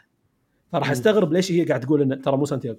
أنا ش... ال red herring اللي كان شوية مخليني مو متوازن كنت خ... كنت متوقع بالنهاية إن على ثقة الراوي إن سانتياغو نصار مو هو عشيقها قلت أنا الراوي هو عشيقها. لأن لأن هو استمر بإنه يقول لا لا مستحيل هو مسويها. فانا توقعت هو رجع بالنهاية لأنه هو حاسس بالذنب إنه بس بعدين اكتشفت لا الراوي ما له شغل بالقضية، الراوي ليلة الحدث واصلا هو تو كان بالغ وتو كان يروح حق هذه مريم، فبقول إنه آه، وهي أصلا انجلا كانت تتكلم عن الحب وما كانت ودها تتزوج هذا آه، بياردو ما شو اسمه اللي تزوجها، فتوقعي إن كل الأدلة تقول إنه هو، الدليل الوحيد اللي يقول إنه ما مو هو إن الراوي الراوي منحاز. الراوي ليش ينحاز؟ هو بالنسبة له يقول انه قاعد يقول مصايب صاحبه. هو يقول أنا الو- الشيء الوحيد اللي مو مصدقه إنه هو ما قال لي مصيبته. أنا سامع كل مصايب الرجال هذا. فهو ما يقول أنا مو مصدق لأن نصار واخوش واحد. يعني أنا أعرف كل مصايبه وهو يحب هالسالفة. بس هذه بالذات قال أول شيء ما كان منجذب لها. ثاني شيء يقول هو أصلا ما يطالع البنات الفقارة. إيش رأيك آه انت؟ صح. أتفق معاك إن آه، كان في أسباب أخرى هو يعني آه تانجنت قاعد يحاول يشتق منها إذا إذا هو مو مسوي العملية هذه لأنه يمكن مو قايل له. بس ترى في جانب بالقصة هو يتكلم عنه وشخصيات تتكلم عنها. الحدث الجلل مال سانتياغو نصار قضية آه خلت الراوي يدش بحالة هستيريا بنوع ما. بقصد معنى شنو؟ هو للحين مو مستوعب شلون موت معلن بهالشكل تطبق. يعني يبي يحصل تفسير حق شيء اللي ما له تفسير. هذا هذه عندها مشكلة شرف قريتك قرية مع احترامي واطية. وما آه، ومؤمنه باعتقادات سافلة وخلت الموت يصير. فأقصد إنه هو يبي يحاول يلقى تفسير حق موضوعين. سبب موت سانتياغو نصار شلون قدروا يذبحون سانتياغو نصار مع إنه ما صار شيء. أنا أشوف إن كل آه، الأدلة الموجودة تشير إن إي سانتياغو نصار سواها. سانتياغو نصار انذبح على قضية شرف. انذبح على قضية شرف لأن المجتمع مالك سافل. وهو م... أنا أشوف إن الراوي مو قادر يتقبل هالحقيقة. مو لأن سانتياغو إنسان زين بس هو يشوف إنه يعني هو وايد يستذكر بشاعة الحدث. شلون قطعوه؟ شلون ما قدرنا نحطه بالثلاجة؟ شلون عدد الطعنات. شلون كل هالأحداث ذبحوه؟ فأنا أشوف ان الراوي منحاز بهالجانب إنه أول شيء صاحبه بس الأهم من انه هو صاحبه الحدث حجمه هو ما يشوفه proportional مع التصرف اللي انذبح عليه طول المدة يحسسك بهالشعور. فاشوف إنه عنده انحياز. أنا الراوي طول المدة شاك برايه لأنه هو بالنسبة لي مو impartial آه مو شخص آه عادل بال- بال- بالقضية هذه. واصلا هذا بيجرني حق السؤال اللي أنا كاتبه هني. يعني أنا ودي نقارنه بال- بالطاعون. إحنا قرينا الطاعون. في اختلاف عود بطريقة سرد الأحداث من الراوي هني بين مقارنة بريو ولا تارو الطريقة اللي كان يأخذ فيها المدونات. فما أدري يعني أنا أحس انه في شيء يسويه آه، ماركيز حتى سوى ب 100 عام من العزله انه يبين لك إن طريقة السرد مالتي ترى أنا أتفاعل مع الأحداث. أنا جزء من الأحداث. أنا أنا الراوي مو impartial spectator قاعد أطالع مو قاعد أعطي رايي لا لا هو قاعد يتدخل بالأحداث طول المدة. الراوي. الراوي هني يختلف عن آه، الراوي بريو شلون يختلف قصدك؟ طبيعي إن يعني ريو كان كان كان يختلف. ريو كان شايل نفسه من القصة. كان حاط نفسه يعني محايد بشكل عام. هذا ما قدر يحط نفسه محايد كلش. كان يذكر الأمور آه، شوي فيها طابع وجهة نظر أكثر من هو سرد لل- للأحداث. وكان يعتمد على السرد من اقتباسات ناس حوالينا أما ريو كب- بالطاعون كان تعامله مع الروايه كاملة إن أو الأحداث كاملة انه أنا لازم أكون محايد وأقول الأحداث بدون ما أعطي فيها أي عاطفة أو أي آه، انطباع يبين رأيي فيه. فاختلاف كبير بين الطريقتين. أنا الصراحة ترى ثلاث ارباع الكتاب كان عبالي إن هذا تحقيق وبنهايه التحقيق راح يصدمني بمعلومة زيادة. بشيء يعني كان اندرلاينج على قولتهم بالقصة كلها. بس هذا ما حصلته من الراوي. شوي أثر على تجربتي هذا هذا الشيء لأن لما قريت بداية بد- آه، أول كم صفحة توقعت إن الراوي قاعد يحاول يقول لي إن ترى أنا راجعت الاحداث عشان أطلع بمعلومات جديدة. بس هو بالصدق لا بس يعني يجمع الاحداث وحط لي إياها. زين يمكن الدكتور كان مسوي شيء. وهو الفاعل الفاحشة هذه وانحاش. لانها تزوجوا هذيلا كانت ليلة زواجهم وكان يدري إنه بينفض له هو الوحيد اللي طلع من القرية يعني. fair enough ما فكرت في ال theory. صح ممكن. اي عرفت شخصية ترى العجلة. توني يعني توني قاعد أفكر فيها يعني. يمكن هذا يا أخي. يعني هذا هذا ال reveal اخر الكتاب عرفت لما القفاص قال انه في reveal آخر شيء قلت يمكن يطلع آخر شيء إنه والله بالتحقيق طلع الدكتور وقال إنه أنا سويت كذي بس هو ما يدري نفس. هالشيء صار لأنه من حاش مبكر يعني المفروض يعني يتوقع إنه هو حاس إنه شنو, ما يدري. إنه هالشيء صار إي لأنه هو البنت اللي هو مسوي فيها هالشيء وواحد جاي متزوجها ليش ما. قالت هي؟ ليش ما تقول ان الدكتور يعني يمكن عشيقة تحبه. تقول عشيقها يمكن عشيقها ما تبي تحبه. يموت قطتها براس العربي قطتها براس العربي. هذا سؤال تقريبا الراوي. يقول إن هي آه إن هو هي يمكن كانت تحمي عشيقها فحطتها براس آه، نصار.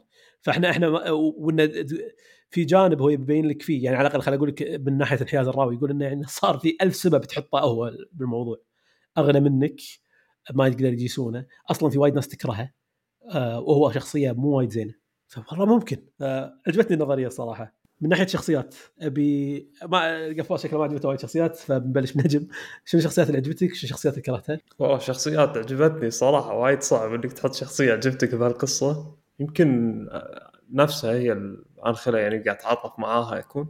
يعني ما أحس Yeah. سوت شيء غلط unless هي قطتها براس واحد ما له شغل يعني بس أنا كرهتها والله إذا قطيتها براس نصار زين تسوي. عاد هذا بالذات اللي يدل عنه صح انه تل... هو تدري إنه هو مسوي شيء كذي مع أحد ثاني. إيه. يمكن يمكن صح ويعني أوكي ت- أنا أتوقع جزء من سالفة إنه ليش هو موت معلن وما حد تهتم حق نصار لأن مم. الشعب كله ما ح- ما يحب نصار بكبره يعني ما حد ما حد يحبه. غير أمه وربعه الأربعة. هذين فاما شخصيات عجبتني بالقصة ترى يمكن بس أم الراوي كانت زينة ما أدري يعني هي كانت مم. الوحيدة اللي لما تقرأ لها كانت شوي عاقلة.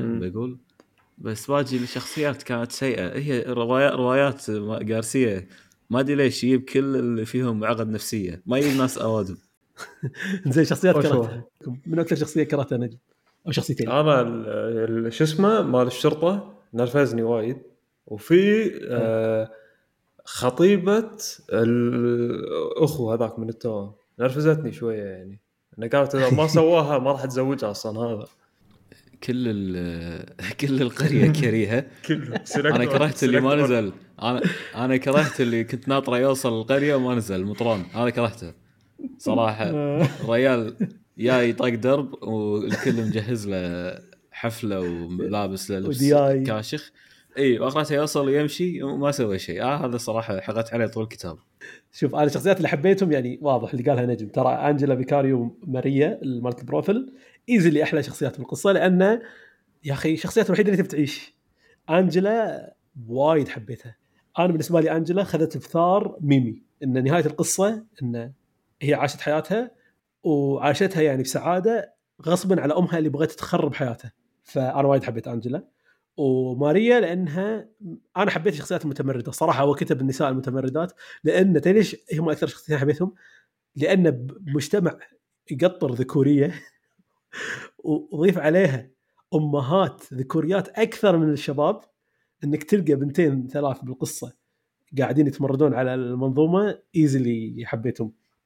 اللي كرهتهم آه بياردو لأن الصراحة كل الشخصيات سيئة بالقصة بس بياردو مستغل إنه عنده فلوس عشان يسوي shortcut حق حياته بشكل ينرفز عرفت؟ الطريقة اللي تعامل فيها شلون شرى البيت والطريقة اللي خذها فيها أنجلا والطريقة اللي تفتقر لكل أنواع الشهامة اللي رد فيها أنجلا البيت بليلتها.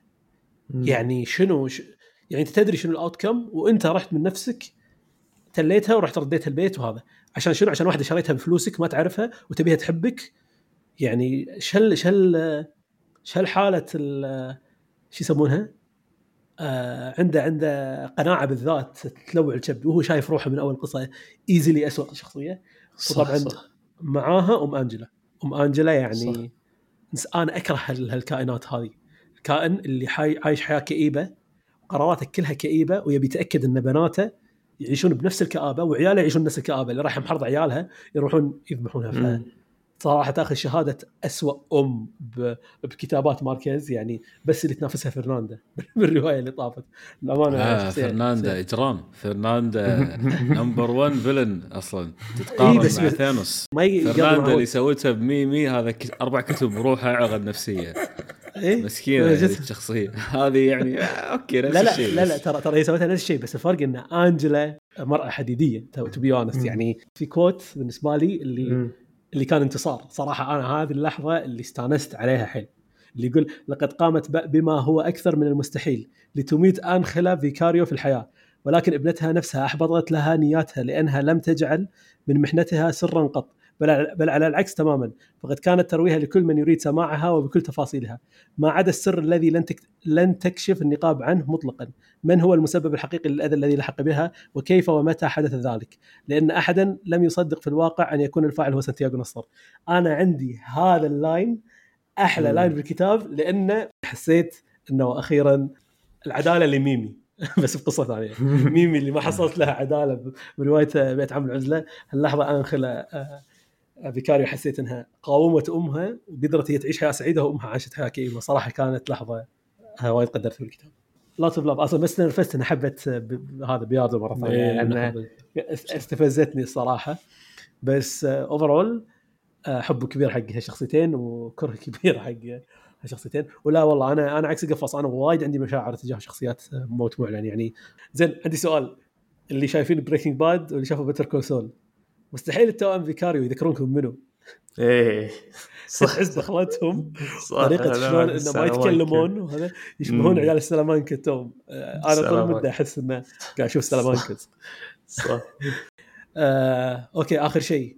shout out آه، القفاص روايته المفضلة اللي ذبحنا فيها. الكولونيل طلع طلع بالقصة يعني في crossover بين العالم مال موكوندو وعالم القصة هذه. آه، شنو كانت ردة فعلك لما شفته؟ الكولونيل مع انه شخصية جدا لا أخلاقية بالكتاب آه، الأول. بس من أحلى الشخصيات اللي مرت علي بالقراءة لأن مو بس إنه عنده وايد تناقضات بس كشخصية ودك ودك تعرف يعني شنو بيسوي أو آه، شنو آه، يفكر فيه. ف وايد أنا وايد استانست لما قريت اسمه بالقصة يعني وقفت فترة عرفت اللي أوكي هذا الكولونيل مال آه، 100 عام من العزله بس يعني كان مرور سريع يعني كان حلو الصراحة إنه تسوي integration حق قصص ثانية أنت كاتبها بروايتك هذه. وأكيد يعني آه، آه، 100 عام من العزله أعتقد هي الرواية الأولى حق ماركيز ف طبيعي يحاول يقتبسها بروايات ثانية.